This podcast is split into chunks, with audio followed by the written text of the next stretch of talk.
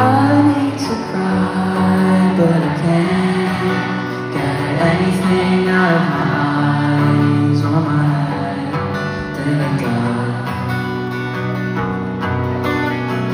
I need to run, but I can't get out of bed for anyone,